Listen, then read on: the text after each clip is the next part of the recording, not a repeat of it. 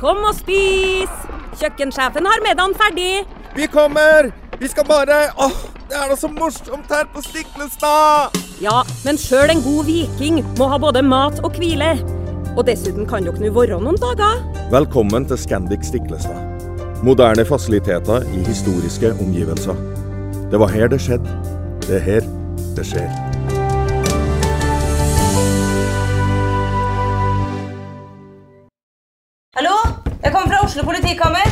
Ine Jansen er purk. Er du purk? The motherfucking bitch. Alt jeg vil, er å finne ut hva som skjedde med mannen min. Jon Carew. Er jeg sikta for noe? Iben Akeli. Det er du.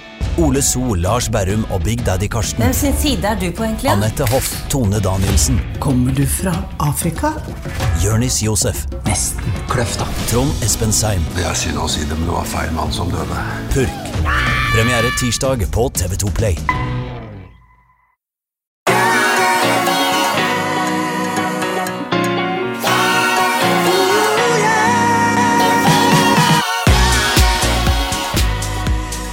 Velkommen til podkasten Podkasten Hjernesterk. Eh, Ole Petter, eh, det er jo litt fint nå da, at eh, liksom verden sånn sakte, men sikkert begynner å bli litt normalt. Eh, Nå er det jo sånn at man eh, drar rundt kanskje på arbeidsplasser, eh, og så ser man folk igjen. Eh, Det er ganske ålreit, syns jeg. Eh, Man treffer folk mer. Eh, Det er blitt litt mer sosialt, og da tenker jeg liksom Du verden så hyggelig det er å se folk etter det tiden vi har vært igjennom nå.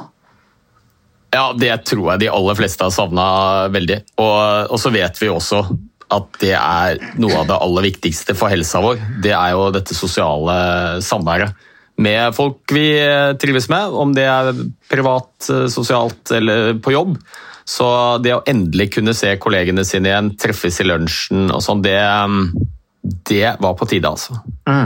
Det er eh, bra, og det trenger vi. Vi blir stimulert av å treffe andre mennesker, så det, det må vi gjøre innimellom. Um, og nå blir det jo heldigvis litt lettere i og med at det er så mange som er vaksinert, og dette smittetrykket er litt lave. Du som er lege, Ole Petter. eh, altså Smittetrykket, det er jo på en måte Vi, vi har jo diskutert dette her med disse oppdateringene på, eh, på antall smittede.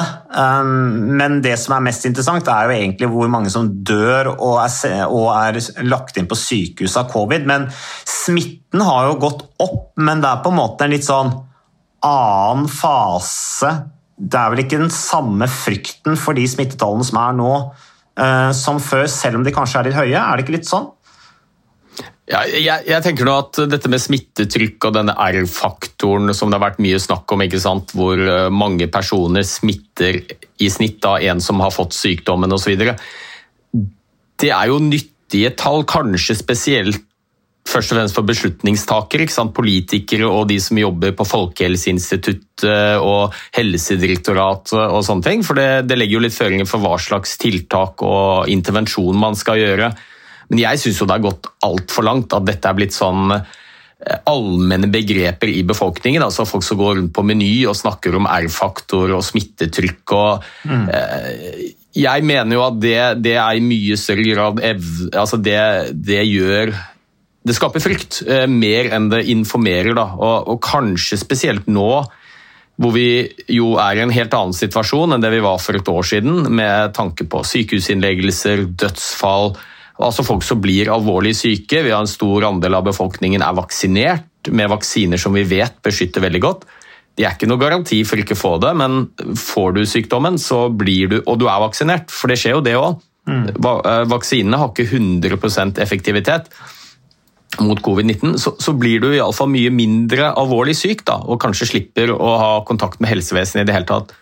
Så Jeg, jeg syns det er ille å lese sånn store overskrifter i nettavisene fortsatt. ikke sant? 718 nye smittede i Oslo. Altså Det er tall som jeg tenker Det er ikke noe særlig opplysende i det hele tatt. fordi For det første så aner du ikke hvor mange som er testet.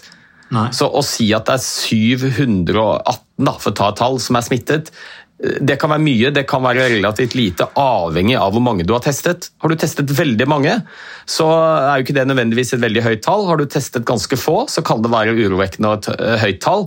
Så du må i det minste ha med hvor stor prosentandel av de testede faktisk har denne tilstanden. Eh, og så tenker jeg at det er mye mer relevant, for jeg mener jo ikke at vi skal glemme covid og, og ikke snakke om det, men informere oss heller om hvor mange som er blitt alvorlig syke, som trenger helsehjelp, som havner på sykehus. Det er jo det som er mest relevant. Mm. fordi eh, ja, det, de aller fleste som nå blir smittet, de blir ganske mildt syke. Altså de blir ikke alvorlig syke. Eh, og da tenker jeg det er ikke noe som hele befolkningen trenger å vite om til enhver tid. Nei. Nei, det er litt sånn som med altså, Jeg tenker på nå, Selv om du har fått vaksinen, så kan du få covid, men da blir du jo ikke spesielt syk. Vil det ikke nesten bare være bra, da? For da, er du vel kanskje, da har du vel fått en, en, en god dose med disse stoffene i kroppen som gjør at du kanskje takler neste runde enda bedre. Jeg vet ikke, Hva tenker du om det?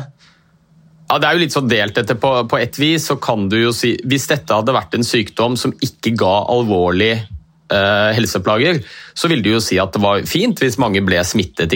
For da utviklet de naturlig immunitet, og så kunne de ikke smitte andre. Men i og med at det er en sykdom som kan være til og med livstruende eh, for spesielt sårbare individer, eldre og syke, så, så, er jo det en litt sånn tvilsom strategi da, med dette med flokkimmunitet fordi du har blitt syk. Så, så, det er jo fint om færrest mulig får dette, men det er veldig flott at mange blir vaksinert. Og, og jeg stusser jo også litt over det at uh, det er sånn overskrifter over vaksinerte som faktisk har fått covid. Um, som om det er en sensasjon og sier noe om at vaksinen er dårlig.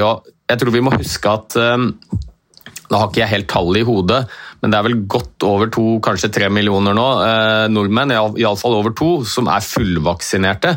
Det betyr at en veldig stor andel av befolkningen er vaksinert. Det er veldig mange mennesker. Og Du kan jo bare gjøre et regnestykke. da. Eh, de beste undersøkelsene om vaksinens effektivitet, altså hvor godt den beskytter, den snakker jo om noen og 90 beskyttelse. Um, og, så er det varierende tall, og kanskje er det 70. Men da vil jo all statistikk tilsi at hvis det er to millioner mennesker som er vaksinert, og la oss si at den har 90% beskyttelse, da, så er det jo fortsatt flere hundre tusen nordmenn som vil kunne få uh, covid-19 selv om de er vaksinert. Mm. Mm. Men, så, så, det, så det, noe, det, sier jo ikke noe om at vaksinen er dårlig eller ikke virker. Det sier bare at ja, den tar ikke alle tilfeller, og det er ikke alle Altså, Du kan bli syk selv om du har fått vaksine, men har du tatt vaksinen, så viser all erfaring og tall vi har, at de som da får covid-19 selv om de er vaksinert, de blir mye mindre alvorlig syke enn de som er uvaksinerte. Mm. Ja, så det er absolutt ikke noe argument for ikke å ta vaksinen, tenker jeg. At det er noen som faktisk får covid selv om de er vaksinert. Det er forventet. Ja, og så er vi jo enige fremdeles om at uh, hvis du er redd for covid, uh, og du kanskje ikke har mosjonert på en stund, så er det enda en god grunn til å begynne å, til å komme i gang og mosjonere. Og til du som mosjonerer, uh, men og også er redd for covid, så er det bare å fortsette å mosjonere, for det er også et veldig bra tiltak for å bygge en, en sunn kropp som er eh, sterk i møte med eventuelt alvorlig sykdom i, fremtiden. Så det er vi jo enige om, Petter. Det har vi også ja, snakka om. Ja, og Det er veldig viktig, det har akkurat kommet en ny artikkel om det. publisert publiserte et stort anerkjent tidsskrift, British Medical Journal, hvor man så på over 40 000 jeg tror det var amerikanere det spiller for så vidt ikke så veldig stor rolle, men som har fått covid. Altså som uh, har gjennomgått en covid-infeksjon. Og så har man kartlagt aktivitetsnivået deres i forkant av infeksjonen. Altså hvor god form var de egentlig før de ble syke. Uh, og den studien viser jo veldig tydelig at uh, hvis du er i god fysisk form, og Her har man delt inn i tre, da, tre kategorier eh, form. Det ene er de som eh, stort sett er inaktive, beveger seg mindre altså beveger seg mindre enn ti minutter i uka med aktivitet hvor du blir litt svett og andpusten. Det var de i nederste del av skalaen. Og så var det de som bevegde seg type en halvtime til en time med fysisk aktivitet, så du ble litt svett og andpusten i løpet av uka. Og så var det de i god fysisk form som fylte myndighetenes anbefaling med 150 minutter med moderat intensitet i uka. Og da viste det seg jo ikke overraskende for oss, tror jeg, Mats, men de som var i den best eh, form-gruppen, som oppfylte myndighetenes anbefaling, de hadde mer enn halvert risiko for å bli alvorlig syk og dø av eh, covid, sammenlignet med de som var i dårligst form. Du, eh, Ole Petter, du, altså, jeg måtte nesten gni meg litt i øra der. Altså, ti minutter fysisk aktivitet i uka, det, det, det er lite. Ja, men det er eh, faktisk, Mats, sannsynligvis flere millioner, eller over en million nordmenn som er der. De, altså, og nå snakker vi ikke om bevegelse, hvis du mener bevegelse, å reise deg fra sofaen og, og gå i underetasjen eller til TV-en eller kjøleskapet. Det regnes ikke som eh, aktivitet med moderat intensitet, for da skal du bli litt svett og andpusten. Men altså, det er en veldig stor andel av nordmenn som, eh, som er der. Mindre enn ti minutter i uka hvor de blir litt svette og andpustne. Det er blitt normen. Ja, og det er like farlig, like, altså, det, det er like farlig som å røyke. Faktisk litt farligere. Eh, mm. Men jeg tenkte når jeg har muligheten nå, da, fordi jeg har fått en del, eh, jeg har fått noen spørsmål um, om podkasten vår privat på Messenger og Insta, og, og, og da er det ett spørsmål som går igjen som har litt med covid å gjøre, eh, eller iallfall vaksinen. da. Og det er, er det farlig å trene etter at du har fått vaksinen? Og da mener vi selvfølgelig dagene samme dag og kanskje dagen to, to dager etterpå. Eh, og mange er spesielt eh, opptatt av dette rundt vaksinedose nummer to.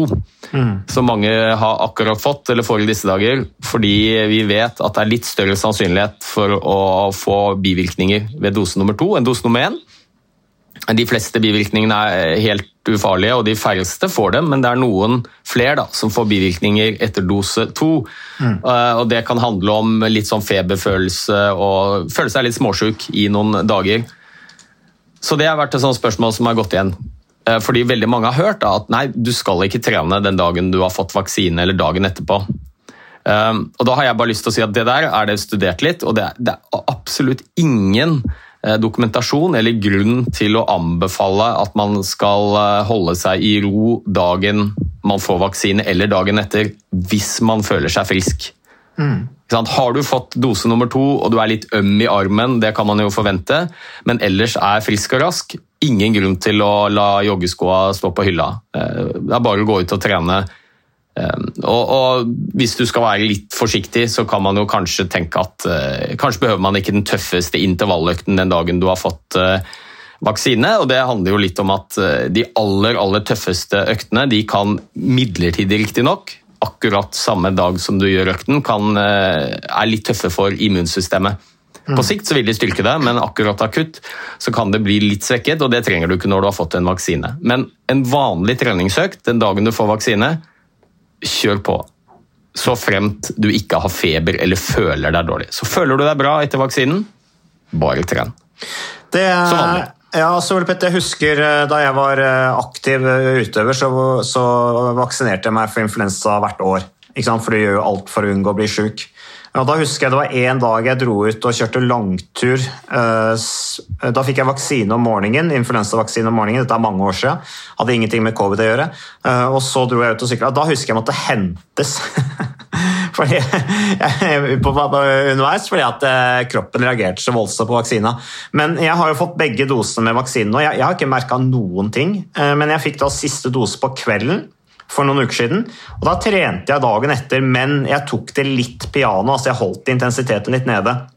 Og kona mi hun måtte hentes dag, uh, Hun trente da dagen etter vaksinen, men jeg måtte hente henne. For hun hadde sånn, sånn ja, du... men, men, hun hadde heller ikke spist ikke sant, om morgenen. Og, det, det liksom, og jeg har jo også snakket med en kamerat som også hadde reagert veldig på vaksinen, men han hadde jo dratt på fest etter å fått vaksinen ikke sant? og festa til tidlig om morgenen. og det er klart, da, det, Jeg tror kanskje det er like jeg tror du kan reagere på samme måte hvis du presser kroppen din uansett om det er trening eller det er fest eller hva det måtte være. Da. At du rett og slett bare tar litt med ro. Dagen, at, du, at du i hvert fall kjenner litt på kroppen dagen etter at du har blitt vaksinert. Ja da, du, det, det, er helt fint. Jeg bare stusser litt over at det er veldig mange som får anbefaling om at de må for guds skyld ikke trene når du har fått vaksinen. Føler du deg bra? Eh, så er det ikke noe grunn til å ikke trene. Kanskje ikke ta den hardeste eller lengste økten, men litt bevegelse, bare positivt. Ja. Jeg har jo fått to doser, jeg òg. Etter første det var en Pfizer-vaksine. Etter første dose så merka jeg ingenting, annet enn litt sånn ømhet akkurat på stikkstedet. Det skulle bare mangle. Mm. Så da trente jeg som vanlig og følte meg helt tipp topp. Etter dose nummer to eh, så ble jeg litt dårlig i et døgn. Fikk jeg faktisk litt feber, så da sto jeg over treninga. Så det er jo litt av poenget mitt. da. Føler du deg frisk, uavhengig om du har fått dose nummer én eller to, helt fint å trene. Føler du deg dårlig, spesielt med feber, da bør du ikke trene uansett. Så da holder du deg unna. Ja, så men Poenget er det at frykt ikke liksom. Det er ikke sånn at du blir sjuk, spesielt sjuk av covid-19-vaksine mer enn andre typer vaksiner. Det er på en måte de samme tingene som gjelder uansett. Ref den erfaringa jeg hadde for mange år siden med vanlig influensavaksine. Nei, og jeg, jeg har litt problemer med å sånn rasjonelt uh, forstå da, at uh, det er faktisk en del av befolkningen som er mer redd for vaksinen enn de er for covid-19. Mm. Og befolkningen er jo allerede veldig redde for covid-19. Eh, Og det er jo det det er så godt dokumentert at disse vaksinene de beskytter mot covid-19. Ikke perfekt, men får du covid-19, som vi sa i forrige episode, at eh, er du vaksinert og får covid-19, det kan skje, men da blir du sannsynligvis mye eh, mildere syk. Så det, det syns jo jeg er ironisk. Og, um, Jeg syns det er litt søtt. ja, og, ja, og så kan man jo, Det har jo vært noen eksempler eh, i samfunnet også. Jeg husker kanskje den episoden på Gran eh, på Hadeland.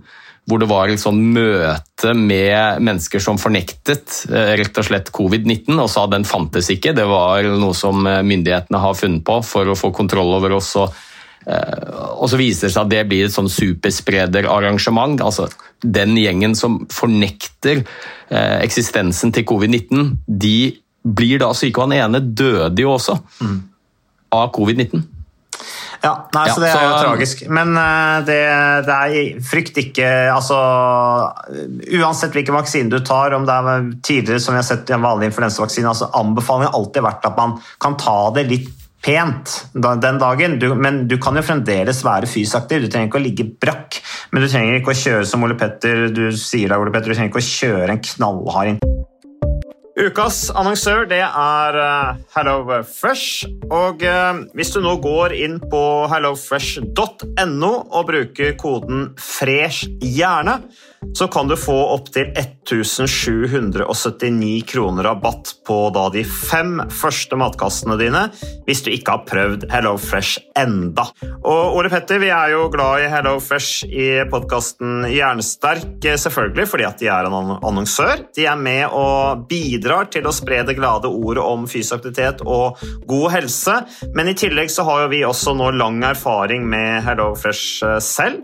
Så vi må jo si at det har vært gode erfaringer til nå. Ja, absolutt. Visste du, Mats, at HelloFresh det er faktisk verdens ledende matkasseleverandør? Og tilbudene til HelloFresh gjør det enkelt å lage gode og varierte retter som skaper matglede. Og matglede vet du, det er like viktig som hva du putter i munnen. Det å spise mat med folk du trives med. Så gjennom 25 nye og inspirerende retter hver uke så bidrar HelloFresh til dette. Du kan bestille ekstra porsjoner om du får gjester, eller hoppe over uke hvis du f.eks. skal bort. Og Det er ingen bindingstid, og du velger leveringstidspunkt og dag selv, så leverer HelloFresh matkassen din akkurat når det passer deg. Ikke dårlig, Mats. Nei, det er veldig bra. Så, øh, og dette er med enklere hverdag, det kan jeg nå skrive under på. For nå, forrige erfaring vi hadde forrige uke, Ole Petter, det syns jeg var Det var jo et gjennombrudd øh, for familien Kaggestad. For da lagde rett og slett barna De lagde middag og serverte middagen, så den var ferdig laget og servert da når eh, min kone Marita og meg kom hjem fra jobb. Og jeg mener, det var jo bare helt utrolig. Eh, Det var helt fantastisk. Det ble en nydelig middag. Riktignok, de, de, de, de roter og søler litt, det gjør de. Så, men, men maten ble veldig god. De var veldig stolte over å kunne å ha både laget og servert maten, så det var helt fantastisk. Så vi har jo da i det siste så har vi eh, spist eh, bl.a. sitron- og dillstekt hyse med ovnsbakte grønnsaker og aioli. Eh, Vi har spist middelhavsinspirert kylling. Taco, så finnes det mange ulike typer taco. F.eks. vietnamesisk taco, som vi har spist. Thailandsk vegetargryte. Veldig riktig og sunt eh, i dagens eh, samfunn med, med fokus på bærekraft. Hvitløk og chilistekte reker i spagetti, det var definitivt en vinner. Så det er så flott. Du får rimelig mat ved at du kun betaler for det du trenger, så det blir ordentlig feststemning med Hello Fresh. Det gjør det, og nå er det bare for deg å gå inn på hellofresh.no og bruk koden FRESH hjerne. Da får du opptil 1779 kroner rabatt på de første fem matkassene dine, hvis du ikke allerede har prøvd HelloFresh. Du kan også bruke rabattkoden hvis du har stoppet abonnementet ditt for tolv måneder siden eller mer. Er det noe å lure på? Håper maten smaker godt. Bon appétit! ...valgt rett etter å ha fått vaksina. Men du, apropos pandemi her, Ole Petter. Um, vi har fått et spørsmål her som handler om kombinasjonen fysisk trening og jobb. og Det er litt interessant nå i den perioden vi har vært i med hjemmekontor. Um, og Så skriver hun her, jeg tror det er en hun som sender inn, ja, ja det er Nina, 54 år, som sender inn. Hei, jeg vet ikke om dette er riktig sted å sende inn spørsmål. Jeg har mange andre som jobbet Jeg har så mange andre jobbet hjemme i snart ett og et halvt år grunnet pandemien. Jeg har fått tilpasset det slik at jeg sitter godt, da tenker du sikkert på ergonomi, da. Nesten like bra som på kontoret. Ved å kutte 30 minutter reisevei før og etter jobb har jeg kunnet begynne å trene mer. Har startet dagen med 20 minutter gåing og så en liten joggetur eller litt styrke for å holde nakke, rygg i form. Sitter jo mye foran PC-en på arbeidsdagen. Nå er jeg redd det blir litt mindre trening og dermed også mindre fysisk aktivitet, og at det skal gå utover helsa. Er dette noe arbeidsgiver bør ta hensyn til eh, når de nå skal ha oss tilbake til kontoret hele uka? Og hvordan kan jeg trene mest effektivt dersom jeg kun har 30 minutter til rådighet om morgenen? Går ofte, og skriver hun da, går ofte en tur på kvelden etter middag. Takk for fin podkast. Hilsen Nina54. Takk for det, Nina. Um, det er jo litt spennende, for nå vender jo folk tilbake. Vi startet denne podkasten her om å, å, snakke om hvor fint det var, og folk kom tilbake på jobb, og vi så hverandre mer. Og, men det er klart, da blir det reising til og fra jobb osv. Um, så her, og her er det jo da Nina har jo da altså brukt pandemien til å skape gode rutiner hjemme. Uh, og er opplagt veldig bevisst dette med fysisk aktivitet. ikke sant? Hun skriver at hun trener styrke, hun er ute og går. Uh, driver variert fysisk aktivitet fordi at hun skal ta vare på, på kroppen for å kunne yte på jobb og, og ha det bra i hverdagen. Så, men 30 minutter om dagen, Ole Petter, du får jo, det er jo bra. Da er det jo, da er det jo over helsemyndighetenes, eller er det i hvert fall på helsemyndighetenes anbefalinger og vel så det?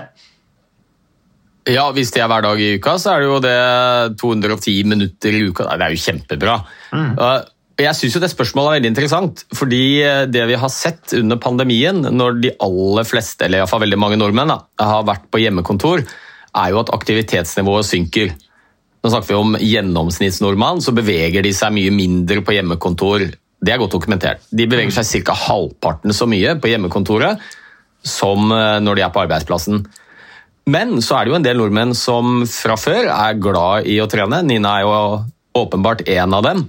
Eh, og da har jo hjemmekontorhverdagen vært en unik mulighet med litt ekstra fleksibilitet og kanskje gå ut og ta den uh, treningsøkten midt på dagen mellom noen møter. Så det har vært en unik mulighet for mange, eller iallfall en del, da, til å få trent enda mer. Så jeg tror det at vi nå går tilbake til en vanlig kontorhverdag for veldig mange nordmenn, for den gemene hop, så er det positivt sett ut fra aktivitetsnivå. For det blir mer bevegelse når du skal til arbeidsplassen og du beveger deg der, versus mm. hjemme i huset ditt. Eh, men for noen så vil man nok se at det blir litt større utfordring å, å, å få plass til disse daglige treningsøktene. Da. Og da er jo Nina e, en av dem. Mm. Eh, og jeg tenker dette Eh, bør man ta opp med arbeidsgiver. Eh, og Én ting er jo hva man kan gjøre, noe annet er jo hvilke plikter arbeidsgiver har. da. Og Der ligger det jo noe i arbeidsmiljøloven. Eh, og Den ene har vi allerede snakket om i en tidligere episode. Det er det som heter paragraf 3-4, hvor det stilles krav om at arbeidsgiver i tilknytning til det systematiske HMS-arbeidet, altså helse-, miljø- og sikkerhetsarbeidet, skal vurdere tiltak for å fremme fysisk aktivitet blant arbeidstakerne. Og da er det ikke noe sånn at Arbeidstakerne har en plikt til å benytte sånne tilbud, som kan være trening i arbeidstiden, medlemskap i treningssenter, men arbeidsgiver har iallfall en plikt til å vurdere det. Eh, så det er jo én ting man kan ta opp med sin leder. Eh, men kanskje er det et annen paragraf som er enda mer relevant. da. Eh, og det er jo tilrettelegging av arbeidet. Og På enkel norsk så er det sånn at arbeidsgiver skal organisere arbeidet og legge det til rette slik at arbeidstakerne kan være i jobb og være like friske når de går fra arbeidet som da de kom. Hmm. Og Det gjelder for alle arbeidstakere, ikke bare de som har kroniske sykdommer eller spesielle behov på arbeidsplassen. Og Tradisjonelt så tror jeg dette har vært brukt til sånn type ergonomi, at du må ha god stol og pult og i riktig høyde og mus, så du ikke får musearm og sånne ting. Men, mm. men her har man jo faktisk en mulighet med arbeidsmiljøloven i eh, bakhånd. Og, og på en måte få arbeidsgiver til å kanskje tilrettelegge sånn at man eh, holder seg i best mulig fysisk og mental helse i løpet av arbeidsdagen. Eh, og Det kan jo være å spørre om muligheten til å, å få lov til å ta en treningsøkt i arbeidstiden. Hmm. Hvis, du eh, hadde, Ole Petter, hvis du hadde vært konserndirektør i et selskap med mange tusen ansatte, hadde du da gitt eh, alle ansatte fri til å mosjonere hver dag i arbeidstida? Ja. ja. altså, jeg ville ikke vært altså, Jeg skal si litt, nyansere det litt, men, men det er det også så god dokumentasjon på at eh, arbeidstakere som får lov til å ha litt fleksibilitet på arbeidsplassen altså For det første så er jo det et veldig sterkt signal om at du stoler på den ansatte. Frihet under ansvar. Det responderer vi mennesker veldig godt på. Har du barn, så vet du det at den dagen du gir barna dine litt tillit, kanskje får de lov til å være barnevakt for en yngre søster eller bror, eller får lov til å gå på butikken kanskje med ditt kort for å handle noe mat, eller er det noe vi virkelig vokser på, så er det å bli vist tillit og få lov til å ha litt ansvar. Eh, så Det er den ene delen. Og Så vet vi også at den ene halvtimen eller tre kvarter, eller om det så er en time som du bruker til å trene i arbeidstiden, eh, den vil arbeidsgiver få tilbake, kanskje i mangfold, ved at du har ansatte som blir mer effektive, får faktisk mer gjort i løpet av arbeidsdagen, selv med en time mindre jobb. Mm. Og um, I tillegg så blir det jo fysiske og mentale gevinster for den ansatte, eh, som du kan se på sykemeldingstall osv. Så, videre. så uh, ja, det ville jeg absolutt gjort, men jeg tror vel kanskje jeg ville gjort noe mer enn å bare gi eh, tillatelse til det. Eh, for da tror jeg jo at du Nina ville være da åpenbart en person som ville benyttet seg av dette. Mm. Men kanskje Nils, som er relativt inaktiv, eh, er ikke sikkert at det motiverer han til å bevege seg noe mer. Så da er det litt sånn at da når man de som allerede er liksom evangelister og er glad i å bevege seg. Så jeg har litt tro på noe, noe felles og kanskje litt oppfølging eh, ja, som du og jeg jobber med, så dette kjenner jo du vel, vel, så godt som meg. Hvor man blir litt fulgt opp. da. Eh, ja. Og at det er lavterskelaktiviteter, det, det har en kjempegevinst. Og jeg kan jo fortelle om en kompis av meg som er gründer. og Han eh, startet en bedrift som har vel Og det er sånn type kontorjobb. Han hadde 20 ansatte fordelt på noen på regnskap, noen på eh, markedsføring, en ledergruppe osv. Og, og han puttet rett og slett inn i arbeidskontraktene han under arbeidsoppgaver for det er jo alle ansatte opptatt av, at de skal vite sant, hva er min rolle på denne arbeidsplassen. Mm. Hva er det forventet at jeg skal gjøre for noe? Og der var det 30 minutter bevegelse i arbeidstiden hver dag. Og, som rett og slett var én av arbeidsoppgavene. Mm, og Der kunne man velge ak akkurat hva man ville. Eh, det kunne være en rolig spasertur. Eh, det kunne være å gå på tredemølla som de hadde, og kjøre en intervalløkt. Det var ikke noen føringer på prestasjon eller nøyaktig hvilken aktivitet, men det var rett og slett en av arbeidsoppgavene til de ansatte. Det var å ta vare på sin egen helse. Mm. Og som han sier, dette er jo en no-brainer. Jeg vet jo at når jeg har ansatte som passer på sin egen fysiske og mentale helse, så har de det bedre. De er bedre arbeidstakere for meg, det er bra for bedriften. Mm. Så kanskje ville jeg gått så langt, jeg vet, jeg er ikke helt sikker på om det er innafor sånn arbeidsmiljølovmessig, men Definitivt. Det ville i hvert fall eh, skapt en friskere bedrift. Ja, Så det tenker jeg at kanskje mange skal eh, tørre å gå til sin leder og, og snakke om dette. Fordi fysisk aktivitet for mange, eller folk flest, det handler ikke om prestasjon og egendyrking og at man skal komme i god form og løpe fort på Birken eller sykle fort eller ha sixpack. Det handler om helse og funksjonsnivå i hverdagen. Og spesielt de som har mye stillesittende jobb, altså de fleste nordmenn så ville jo det gitt en formidabel gevinst for bedriften også. Så jeg tenker at en god leder ville iallfall tatt dette på alvor og sett om man kunne få tilrettelagt det, sånn at de som er opptatt, og gjerne alle, i bedriften har mulighet og også bli oppfordret til eh, å ta vare på seg selv, også i arbeidstiden, med fysisk aktivitet. Vi har jo egentlig akkurat eh, begynt å jobbe med Repsol, eh, energiselskapet i Stavanger. og de, de, de, de, Der er det lov å trene i arbeidstida, eh, men de har også et oppfølgingssystem som, som vi leverer, Ole Petter. Så der, de jo, der følger de det opp også litt mer helhetlig. Ikke bare sier at det er tilgjengelig for de som ønsker å gjøre det. Men tilbake til spørsmålet til Nina her. Hva er effektiv trening en halvtime? Altså Du var jo litt inne på det der, Ole Petter. Du sa jo det eh, du, i eksempelet med han gründeren. Eh, Det der å gå ut og gå seg en tur, eh, gå ut og løpe, jogge, løpe, trene enkel form for styrketrening. Eh, har, eh, ikke for å drive med selvskryt her, men jeg har jo trent halvtime i dag sjøl. Styrketrening, for det er det jeg får tid til i dag. Da trente jeg styrketrening på gulvet. Det var derfor jeg var litt svett før vi logga oss på her, Ole Petter. Ja, til det. eh, Ja, ikke sant? Så, så fikk jeg en 30 minutter, og det er det jeg rakk. Og så, og, og, men det er, det er på en måte det er, jo, det er jo antall økter i året, tenker jeg, som er det viktigste. Eller antall økter i måneden som er det viktigste, ikke, ikke hvor mye man trener hver gang. Og jeg tenker så fint at man kan få kjørt korte økter eh, ofte, fordi da får man tid til mye annet også. Og som du sier, man blir mer effektiv, man blir mer våken, man blir mer kreativ. Den umiddelbare mentale effekten er jo gull verd, tenker jeg, for, for å være offensiv utover dagen. Eh, Og så kan man på de dagene man har litt mer tid, i helgen osv., så, videre, så kan man jo legge inn f.eks. en søndagstur. Nå blir det høst etter hvert. Og se på de nydelige høstfargene, nyte den skarpe høste, høsteluften. eh, Og være litt lenger ute. Men i ukedagene, halvtime, du kommer jo langt med det. Kanskje kjøpe deg noe utstyr, hjemmetreningsutstyr til styrketrening hjemme. Eventuelt en ergometersykkel som du kjører litt opp og ned med i intensitet. Kanskje får deg en pulsklokke så du ser hvordan pulsen går opp og ned. Og får svetta godt ut. Det er ikke så mye som skal til før man får, har stor gevinst på helsa. Nei, jeg vil jo gå så langt som å si at de beste øktene er ofte de korte.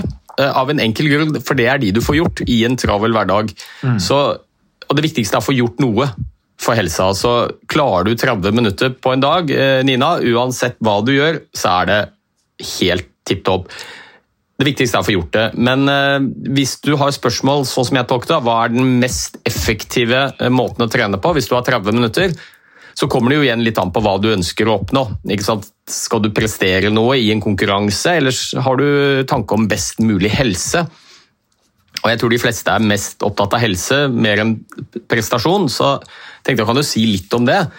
Jeg tenker at Hvis du har en halvtime til rådighet, og du tenker hva er det beste jeg kan gjøre for helsa mi på, de, på den halvtimen når det gjelder fysisk aktivitet, så ville jeg eh, starte ta fem minutter, og så varmer du litt opp. Og så, eh, hvis du er ute og løper f.eks., finn en motbakke, og så bruker du 15 minutter, kanskje til og med 20, på å jobbe med litt moderat til høy intensitet, sånn at du blir realt sliten. Hvis du gjør det på et par, par ganger i løpet av uka, på de 30 minutterne dine, rett og slett jobbe med puls eh, et eller annet sted mellom 65 til 90% av makspuls, altså, sånn at du blir realt sliten. Og så har du fem minutter til eh, nedjogg, f.eks. Så har du brukt opp den Da har du fem minutter oppvarming, 15-20 minutter med litt hard jobbing, og så fem minutter rolig etterpå. Så har du halvtimen din. Og det som er interessant, er jo sånn helsemessig så tror jeg det er vanskelig å skille gevinsten fra det å ha den økten og ha en som kanskje er 45 minutter eller en time. Ja, du vil nok prestere bedre, kanskje løpe fortere hvis du har litt lengre økter noen ganger i uka, men eh, helsemessig nesten hipp som happ. Så jeg er veldig forkjemper for det. Altså. Jeg pleier å kalle det sånn sniktrening. Mange tenker at skal jeg trene, så må jeg iallfall ha en time. Halvtime er plenty. 20 minutter får du gjort mye også. Litt kortere oppvarming, noen minutter med litt uh, ordentlig arbeid så du blir svett av andpusten. Så har du helsegevinsten i banken.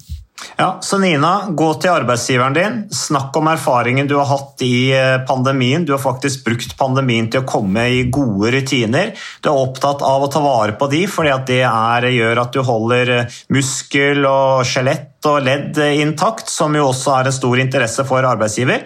Og så får du arbeidsgiveren med på, på, å sette seg litt inn i din situasjon og, og, og heie på deg til, til, å fortsette med, de, med det, det egentiltaket du har dratt i gang. Og så er det ikke så mye som skal til, som Ole Petter sier her. Helsegevinsten er jo formidabel med å, å, å mosjonere så regelmessig som det du gjør. Så det var et veldig fint spørsmål. og send eh, andre lyttere, send gjerne inn eh, spørsmål hvis du har det. Og så ville du gjerne avslutte litt her, Ole Petter. Ja, som vanlig. Og Nina og andre som er opptatt av fysisk aktivitet, og at det også tilrettelegges på arbeidsplassen, kanskje noe av det beste de gjør, Mats, det er jo å, å, prøve å få ledelsen med på å være med i et litt sånn strukturert opplegg, hvor dette med viktigheten av fysisk aktivitet er en del av bedriftskulturen. Mm. At ikke bare er sånn at enkeltindivider får tilrettelagt, men at dette faktisk er et viktig fokus for eh, arbeidsgiver å ivareta de ansattes helse. Og Da kan du jo f.eks. kontakte oss da, vet du, med Hjernesterk. Det er jo det vi driver med. Mm. Følger opp bedrifter med fysisk aktivitet for de ansatte. Det er bra for de ansatte, og det er bra for bedriften, og bra for folkehelsa. Ja, og der, jo, der, går jo Nina foran som et veldig godt eksempel. Så uh, Veldig bra jobba, Nina. Kjempebra. Tusen takk for uh, innsatsen din, Ole Petter. Veldig bra jobba i dag, altså. Så, uh, og takk til alle som lytter på podkasten. nå er det ut og mosjonere. Ta vare på dere selv, og kos dere og ha det gøy. Ha det. Ha det.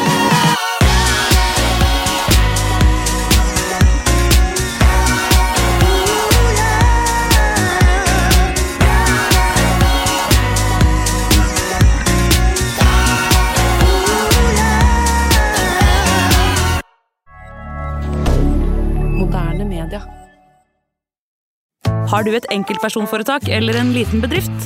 Da er du sikkert lei av å høre meg snakke om hvor enkelt det er med kvitteringer og bilag i fiken, så vi eh, gir oss her, vi. Fordi vi liker enkelt. Fiken superenkelt regnskap.